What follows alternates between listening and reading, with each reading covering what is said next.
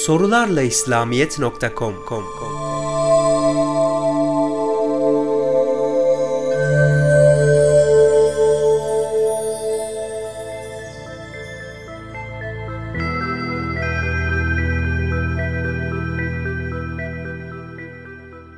Seher vaktinde uyumak mı yoksa uyanık kalmak mı sünnettir? İmam Gazali'nin açıklamaları doğrultusunda açıklar mısınız?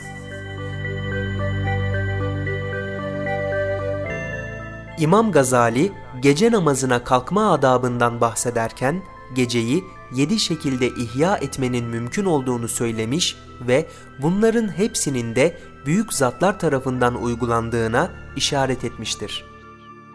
İkinci mertebede soruda geçen konuya işaret etmiştir. Gecenin üçte birinde kalkmak. Bu tarzda geceyi ihya eden kimselerin gecenin ilk yarısında bir de son altıda birinde uyumalarının uygun olacağını belirtmiştir. Ayrıca gecenin sonlarında uyumanın uykusuzluktan kaynaklanan benzin sarılığını ortadan kaldıracağı için güzel olduğunu ifade etmiştir.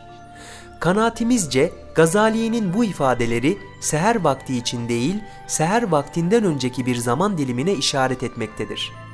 Az önce de belirttiği gibi sabahtan önce seher vaktinde kalkmanın uygun olacağını söylemesi de bu hususu pekiştirmektedir. Ancak burada Gazali, Hazreti Ayşe'den nakledilen bir rivayete de yer vermiştir.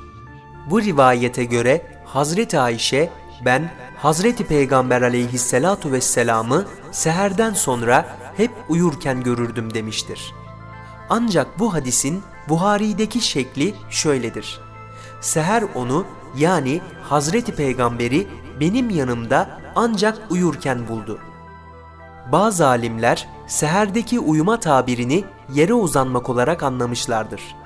Hazreti Ayşe'nin o vakitte eğer ben uyanıksam benimle sohbet eder, aksi takdirde uzanırdı şeklindeki rivayeti bu görüşü desteklemektedir.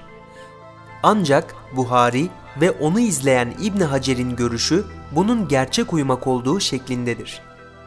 Görüldüğü gibi seherdeki uyuma ifadesi değişik yorumlara müsaittir.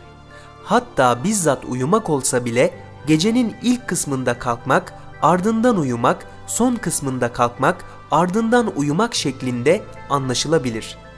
Bu şekilde gecede iki defa uyumak, iki defa kalkmak söz konusudur ki geceyi ihya etmenin en zor şeklidir. Ayrıca seher vaktinde uyumayı birkaç dakika olarak algılamak mümkündür. Seher onu yani Hazreti Peygamberi benim yanımda ancak uyurken bulurdu hadisinden şunu anlamak, farklı hadis rivayetlerini telif etmek bakımından daha isabetli olabilir. Hazreti Peygamber aleyhissalatu vesselam gecenin son altıda birinde kalkıp ibadet ettikten sonra biraz uyurdu ve kendisi bu uykudayken seher vakti girerdi.